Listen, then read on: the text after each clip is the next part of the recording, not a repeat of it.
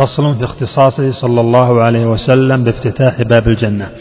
وثانيا يشفع في استفتاح در النعيم لأولي الفلاح. هذا وهاتان شفاعتان قد خصتا به بلا نكران.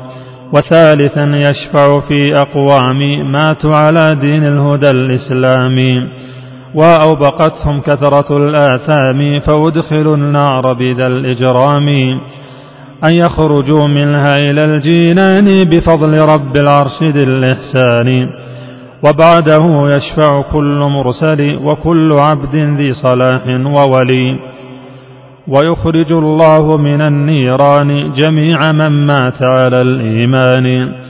في نهر الحياة يطرحون فحما فيحيون وينبتون. كأنما ينبت في هيئته حب حميل السيل في حافته.